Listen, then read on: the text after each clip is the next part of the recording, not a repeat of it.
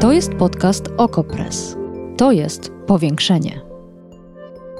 Patrzymy władzy na ręce, każdej władzy. Obserwujemy politykę i życie społeczne. Ustalamy fakty, komentujemy wydarzenia i przede wszystkim rozmawiamy z Wami i z naszymi gośćmi. Zapraszam, Agata Kowalska.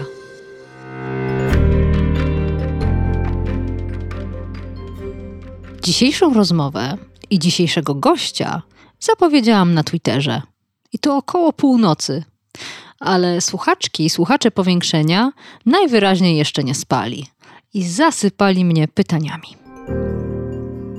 Skąd bierze tyle siły do walki o prawa człowieka? Jak wyglądały początki jej aktywizmu?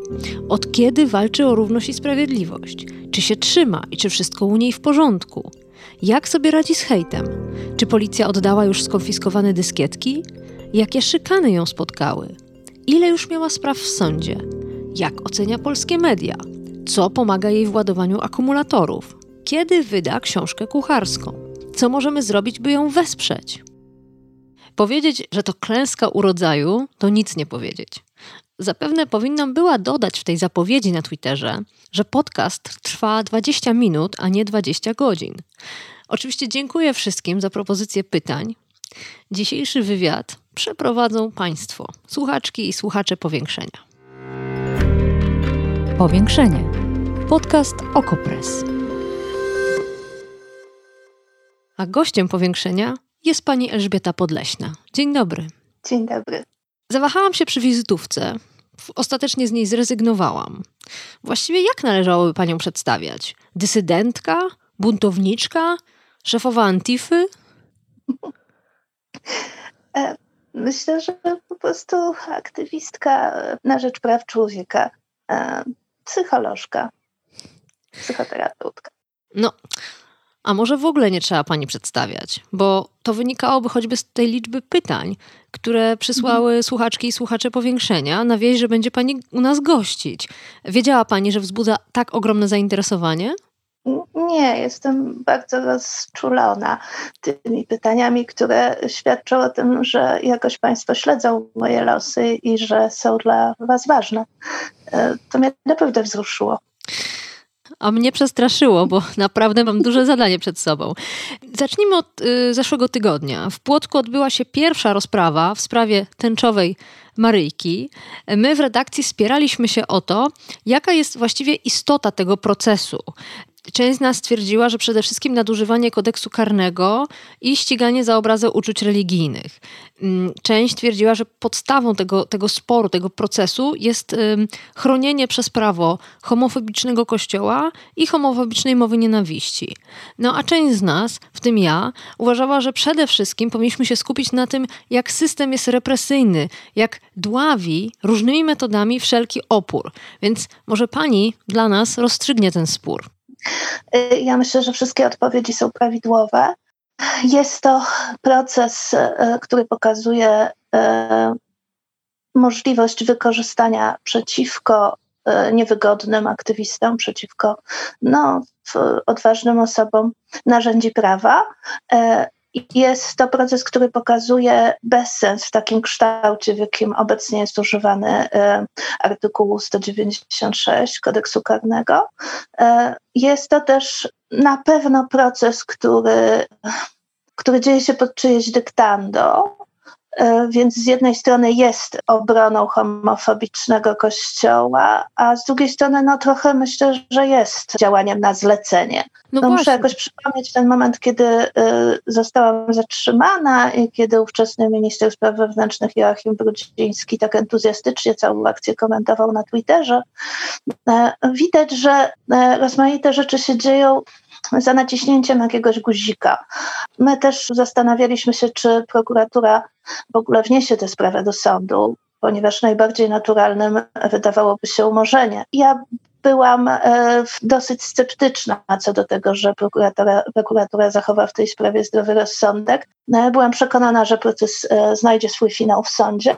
Znaczy, kiedy znajdzie finał, to nie wiadomo, bo przecież pamiętam, że chyba sprawa Doroty Nieznalskiej trwała około 8 lat, zanim znalazła ostateczny finał.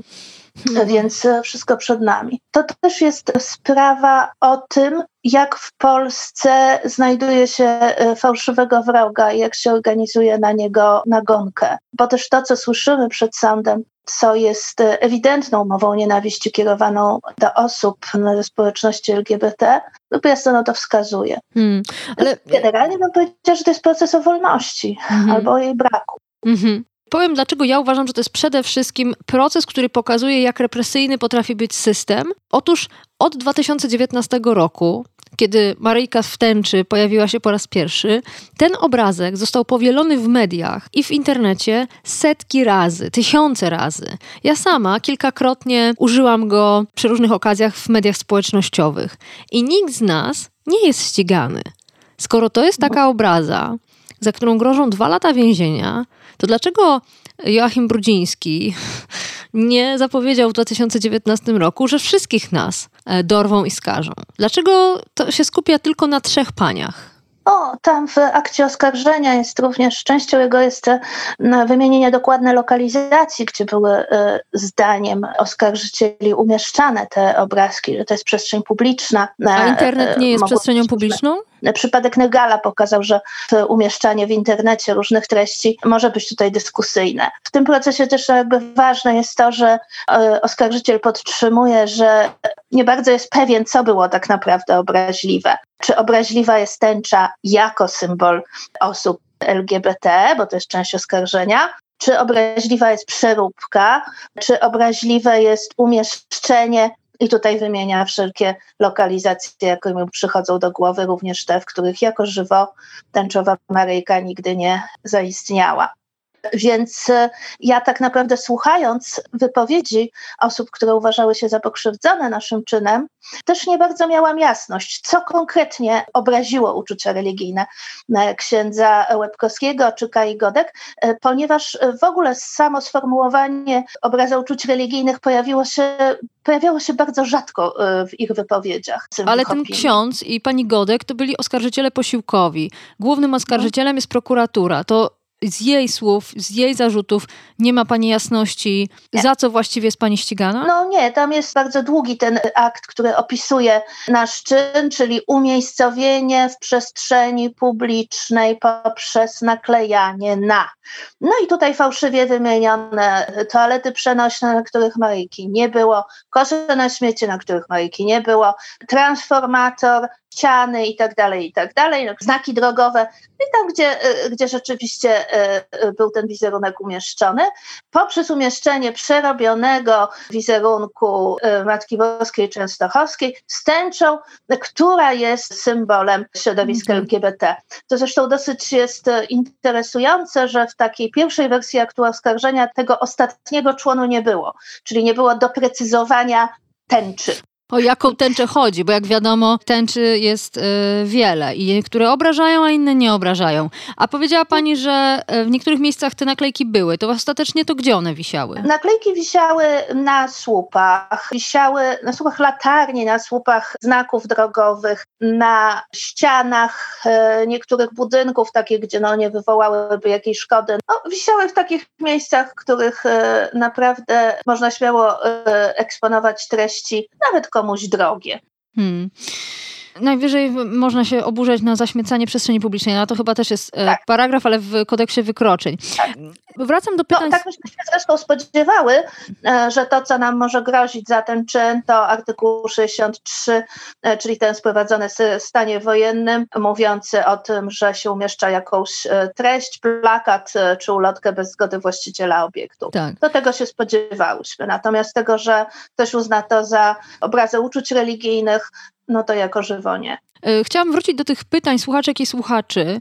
W maju 2019 roku, kiedy cała sprawa wybuchła, policja nad ranem zapukała do pani domu, przeszukała mieszkanie, samochód, zabrała sprzęt elektroniczny, a panią samą zawieziono do Płocka na przesłuchanie. I słuchacze bardzo by chcieli wiedzieć, czy po pierwsze oddano pani już ten sprzęt i te, i te dyskietki, jak to pisze jeden ze słuchaczy. Tak, oddano, tylko że w, zgodnie z Radą Fachowców ja po prostu puściłam je na przemiał. To znaczy w Dlaczego? nośniki, ponieważ no, nie było gwarancji, czy nie zostały mi oddane z odpowiednim farszem, którego nie chciałabym mieć. Czyli z jakiegoś rodzaju programami śledzącymi, tak? Tak. Mhm. Tak, także organizacje, które zajmują się ochroną właśnie aktywistów, poradziły mi, żebym jednak no, nie, nie brała z powrotem tych nośników pod swój dach, żebym po prostu się z nimi rozstała. A Więc tak zrobiłam. Y, no to też jest jasne, tak widać, że ktoś śledził tę sprawę, że tam e, zostały mi zarekwirowane między innymi dyskietki, czyli coś, czym się już od wielu lat nikt nie posługuje. Zostały zebrane stare, wymontowane twarde dyski z komputerów jeszcze z moich lat lubelskich, czyli no sprzed 20 e, lat. No, jako żywo nie chodziło o, e, o, znalezienie nośnika tęczowej Maryjki, e, tylko chodziło po prostu o to, żeby nabyć jakąś wiedzę na mój temat. Może coś interesującego, pikantnego się znajdzie e, w jakiejś dawnej pamięci elektronicznej. To trochę tak jak e, w Wąbrzeźnie zarekwirowano mi aparat fotograficzny, i tam biegli policyjni, przeszukiwali go w poszukiwaniu e, też jakichś, e, nie wiem, dokumentacji naszych akcji. I kiedy mi pan oddawał, powiedział, bardzo piękne zdjęcia kwiatów, śliczne zdjęcia kota, bardzo ciekawe zdjęcia kulinarne, gratuluję, dobre oko. Tak, więc no raczej nie da się na mnie znaleźć haków. Jest... Fakty są znane to jest śmieszno straszne. Co jeszcze zrobiono y, od tamtego czasu? Jakie, jakie jeszcze działania policji, które ja bym nazwała wprost represjami, panią spotkały? No, też takie śmieszno straszne, ponieważ po jednej z takich demonstracji sprzeciwu wobec zatrzymania aktywistów po umieszczeniu w gablotach AMS plakatów szumowinny. Tam zatrzymano dwoje moich przyjaciół. Po tym jak stałam z plakatami z kilkoma kolegami przed e, Pałacem Mostowskich, czyli przed Komendą Stołeczną, puszczono za mną w ślad dwóch policjantów, e, którzy nie chcieli się przedstawić, nie mieli imienników, e, nie, nie, dawa, nie podawali żadnych informacji po co, na czyje zlecenie za nami podążają. Po prostu dwie czarne, milczące sylwety, które się przesuwały krok w krok za mną i dwójką moich przyjaciół w końcu, e, no nie mając kompletnie pewności, kim są te osoby i e, jakie mają intencje, zadzwoniłam na policję. I co się stało? Policja przyjechała ścigać policję? Policja przyjechała, wylegitymowała policję. E, I za jakiś czas e, policja skierowała przeciwko mnie, wszczęła postępowanie. Nie pamiętam, który to jest artykuł, który mówi w każdym razie o wszczęciu fałszywego alarmu, e, zawiadomieniu służb bez właściwego uzasadnienia. Na całe szczęście sąd do którego ta sprawa poszła, no umorzył ją na pniu.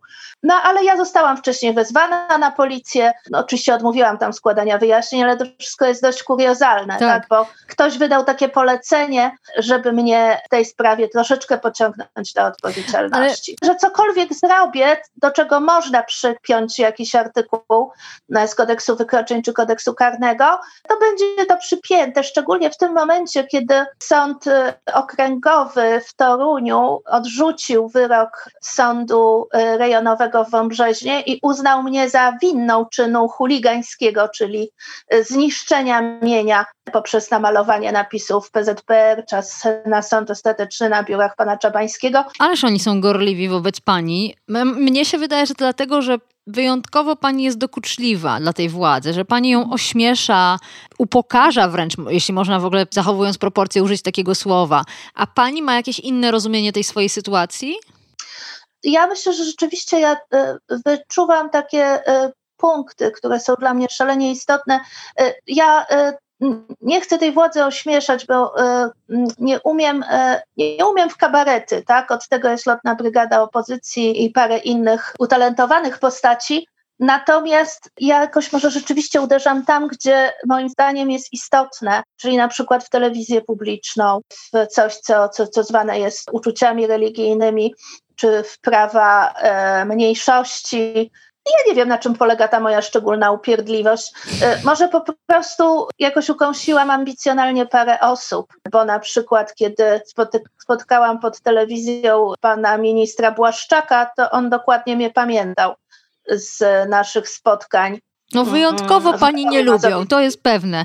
Kłopotem jest to, że pani nie przestaje, że jest ścigana, zatrzymywana, przesłuchiwana, oskarżana, a pani dalej robi swoje.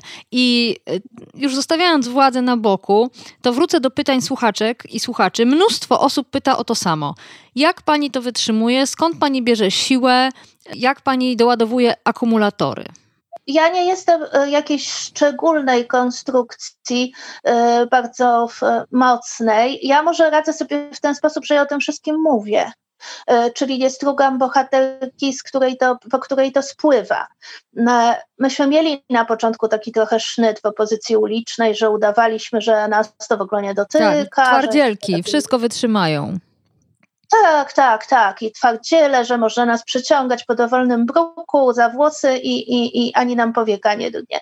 Ja w którymś momencie uznałam, że po pierwsze jest to kompletnie niezgodne z moją osobowością, po drugie jest to wręcz szkodliwe, ponieważ w ten sposób przesuwa się granice przemocy, jak jest, jaka jest stosowana wobec nas. Upewniły mnie w tym wizyty e, innymi w Amnesty International w Belgii i Holandii, e, gdzie pamiętam, że byłam po raz pierwszy w taki bardzo otwarty sposób pytana o samopoczucie i mm, e, tamtejsi działacze, aktywiści szalenie ze mną empatyzowali do tego stopnia, że ja przy pierwszej takiej rozmowie po prostu się rozpłakałam. Ale proszę bo, wyjaśnić, e, co to znaczy, że przesuwana jest wtedy granica przemocy, kiedy działaczki i działacze milczą na temat tego, jak bardzo boli, uderza w nich e, i męczy ta stała represja?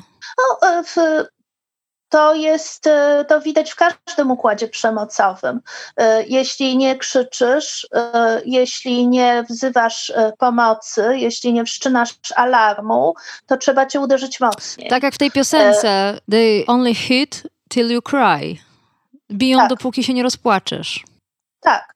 Więc ja tutaj jestem daleka od takiego ambicjonalnego stawiania sprawy, że nie ruszycie mnie. Ja mam trochę inne podejście. To mnie rusza, mimo to robię dalej.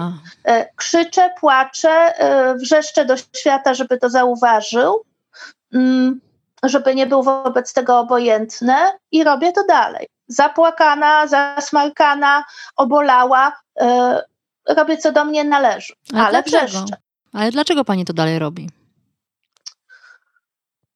Może dlatego, że nie mam zbyt wielu zmienników, że jednak nie idą tłumy poza no, paroma akcjami.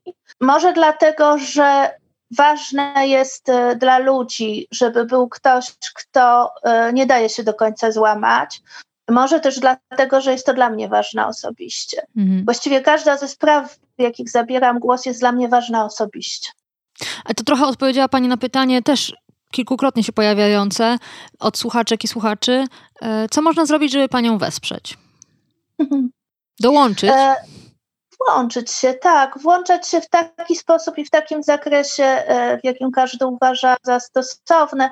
E, no, nawet te e, zwykłe, e, zdawałoby się nic nieznaczące lajki, jednak znaczą. E, oczywiście, że najbardziej znaczy to, żeby na przykład, nie wiem, ludzie jutro w Gdańsku w sąd, by, byli pod sądem, gdzie e, będzie sądzony e, Konrad Korzeniowski, Rafał Suszek i Michał Wojcieszczuk za obalenie pomnika Henryka Jankowskiego. Oczywiście, że to daje jakby najwięcej, a stosunkowo niewiele odwagi wymaga. A pamięta Pani, o której ten proces jutro? Uch, e, chyba 9.30. Pewnie Nie chciałabym rano. przekłamać. To dla tych z Gdańska informacja, proszę znaleźć najpierw jeszcze o której. A, y... Jest na moim profilu na Facebooku na pewno. Więc... A jest jeszcze jedna kwestia. E, po rozprawie w Płocku, tej zeszłotygodniowej, policja zaczęła zatrzymywać samochody i legitymować odjeżdżające uczestniczki tej solidarnościówki spod sądu. Ale, i wskazywaliśmy na to y, w Okopres, nie zrobiła tego w trakcie tego ponoć nielegalnego zgromadzenia, tylko dopiero wtedy, gdy osoby wsiadły do aut, zaczęły się rozjeżdżać, policja zatrzymywała je na drodze. Dlaczego? O, to jest stary numer, czyli uniknąć obecności mediów. E, to po pierwsze i ograniczyć możliwość kontaktu z prawnikami. Wiadomo, że pod sądem było parę osób prawniczych, było też trochę mikrofonów, trochę fleszy, e, jakaś kamera. E, to też pokazuje na rolę mediów, e, że po prostu trzeba tam być, trzeba być w takich miejscach i pokazywać, co się dzieje i zostać jeszcze może pięć minut dłużej. Jednak oko mediów również trochę łagodzi przemoc, która jest wobec nas stosowana. To, co się stało w Płocku, no to jest taka absolutna klasyka. W Warszawie czy w innych miastach też czeka się, aż tłum się rozejdzie i wyłapuje mm. się pojedyncze osoby, bo y, wiadomo, że je można łatwiej zastraszyć. Y, no tutaj y, policja nie do końca można... była precyzyjna w działaniach, bo między innymi wylegitymowała fotografa Okopres, więc chyba nie, nie, nie mieli dobrego rozpoznania. W związku z tym my mieliśmy bezpośrednią informację na ten temat. No dobrze, to czas na spór. Zresztą nie tylko toczący się między mną a panią, ale również w naszej własnej redakcji. Otóż e, nie jesteśmy w stanie się zgodzić co do tego, czy cytować, komentować, demitologizować te wszystkie opowieści pani Godek i księdza z rozprawy w Płocku. E, ja jestem przeciw. Uważam, że i tak za dużo jest w debacie publicznej nienawistnych bzdur i mowy nienawiści, mm, ale wiele osób, i wiem, że pani też, uważa, że należy to wciąż robić. Dlaczego? Jeżeli tego nie cytujemy z, odpowiednim, e, z odpowiednio ostrym komentarzem, to część e, z tych stwierdzeń przedostaje się do publicznej debaty nieopatrzona e, w żaden sposób sprzeciwem. To tak czy owak przecieka do języka i w jakiś sposób go infekuje, to przecieka do świadomości publicznej dla mnie byłoby ważne, żeby przedstawić nie całość, bo jest ohydna, jest nie do zniesienia. Ja sama nie wiem, jak ja ją, i jak osoby, które były na sali, jak, jak myśmy ją zniosły. Nas to po prostu oblepia gdzieś od środka, to taka propos później no właśnie. Y, może higieny. No właśnie, e, oblepia. Ale że po prostu trzeba, trzeba, moim zdaniem trzeba y, zrobić z tego jakąś esencję i pokazać, jak rzeczywiście wygląda ten rzekomo pełny miłości. Ale przecież my to e, wiemy. Pani Godek nie robi nic innego, tylko zwiedza media albo robi takie akcje, żeby na pewno media o tym powiedziały i głosi dobrą nowinę o tym, że osoby homoseksualne są pod ludźmi. My to już wiemy. Znamy też y, pogląd Kościoła na te kwestie. Po co kolejny raz do tego wracać, kiedy to jest tak obrzydliwe? ponieważ wtedy pokazuje, o co jest ta sprawa tak naprawdę i między czym a czym w mediach pokazywany jest i dopuszczany do głosu ten światopogląd y, jako jeden z możliwych. Czyli pani Godek jest zapraszana jako pełnoprawna uczestniczka debaty. Ja bym nie chciała, aby pani Godek była zapraszana do cywilizowanych mediów, ale żeby pojawiały się jej wypowiedzi z odpowiednio światłym komentarzem. Hmm. Czyli ja jestem e, zawiedziona tym, ja w ogóle tutaj się trochę ironicznie wyrażałam na Facebooku, że czekam tylko aż mnie Polsat zaprosi ugodek i posadzi w dwóch symetrycznych fotelach, żebyśmy sobie mogły podyskutować jako dwie uczestniczki sporu publicznego. Nie. Takie poglądy, które wyraża pani Godek i, i ksiądz e, Łebkowski są po prostu przestępstwem. I te osoby powinny mieć absolutne no platform osobiste w mediach, e, natomiast e, ich wywody z odpowiednim, jak mówię, krytycznym i mocnym komentarzem medialnym powinny się po pojawiać, aby ludzie wiedzieli po naszej stronie, że jak dalece szkodliwy y, y, jest wpływ Kościoła katolickiego w tym wypadku na umysły ludzkie. Tak. Bo przecież przypomnijmy, że te poglądy znajdują miejsce w szkołach, bo ja nie sądzę, żeby to się nie przesączało na lekcjach katechezy.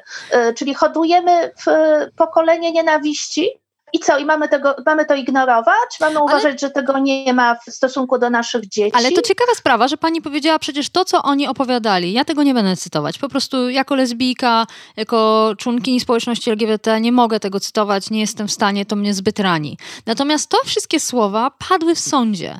Tak. I pani powiedziała, to jest przestępstwo, ale sąd nie zareagował. E, sąd e, nie zareagował, ponieważ e, tego ta sprawa jakby nie dotyczy. Natomiast sąd dzięki temu, że daje możliwość swobodnej wypowiedzi stronom, wyrabia sobie pogląd na strony i na sprawę. I sądy tak postępują, tak? Czyli ta pierwsza wypowiedź, którą dostają obie strony, jest taką wypowiedzią swobodną ze wszystkimi tego konsekwencjami. Ale ja py nawet pytałam, wie pani, bo mnie to tak zaciekawiło. Pytałam jednego z sędziów, czy to jest możliwe, że świadek lub oskarżyciel posiłkowy, mówiący swobodnie w sądzie, ma prawo szerzyć mowę nienawiści. Przecież wokół były kamery, trwała relacja na żywo i że w sądzie jest chroniony pewnym immunitetem i wolno mu więcej niż gdyby to była sytuacja na zewnątrz. I sędzia powiedział mhm. absolutnie nie. To jest takie samo przestępstwo jak na ulicy.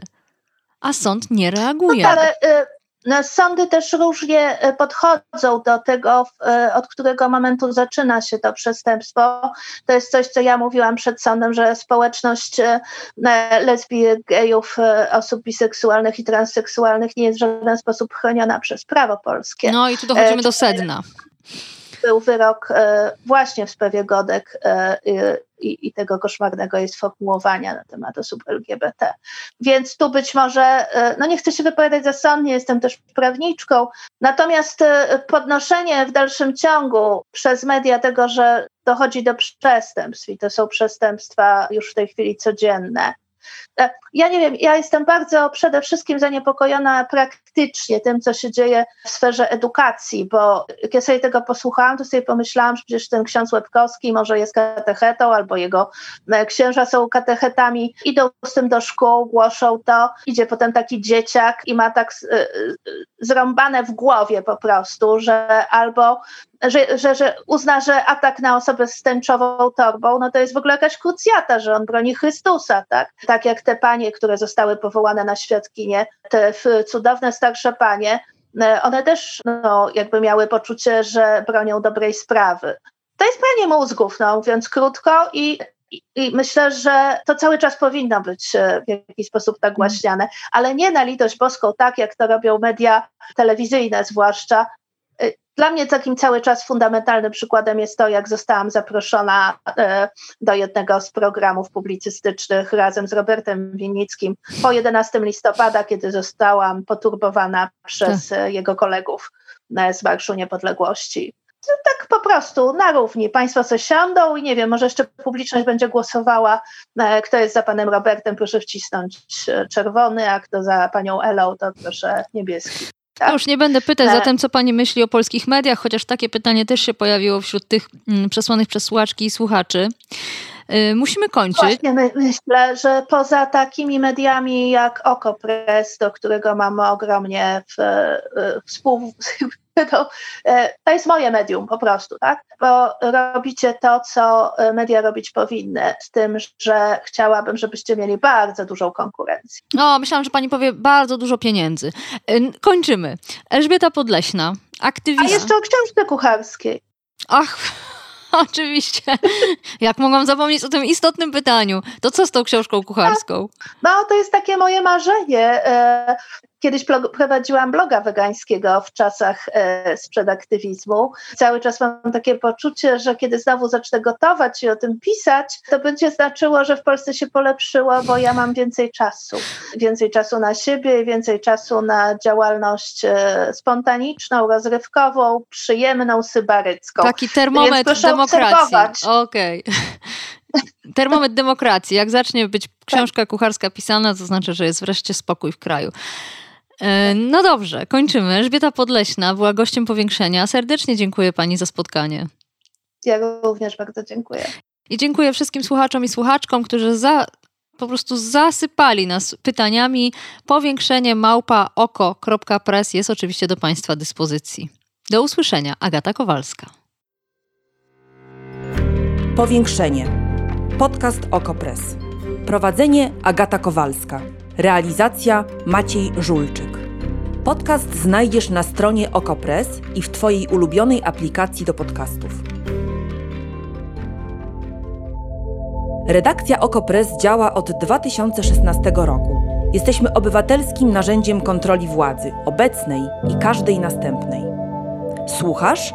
Napisz powiększenie małpa oko.press. Czekamy na Wasze komentarze.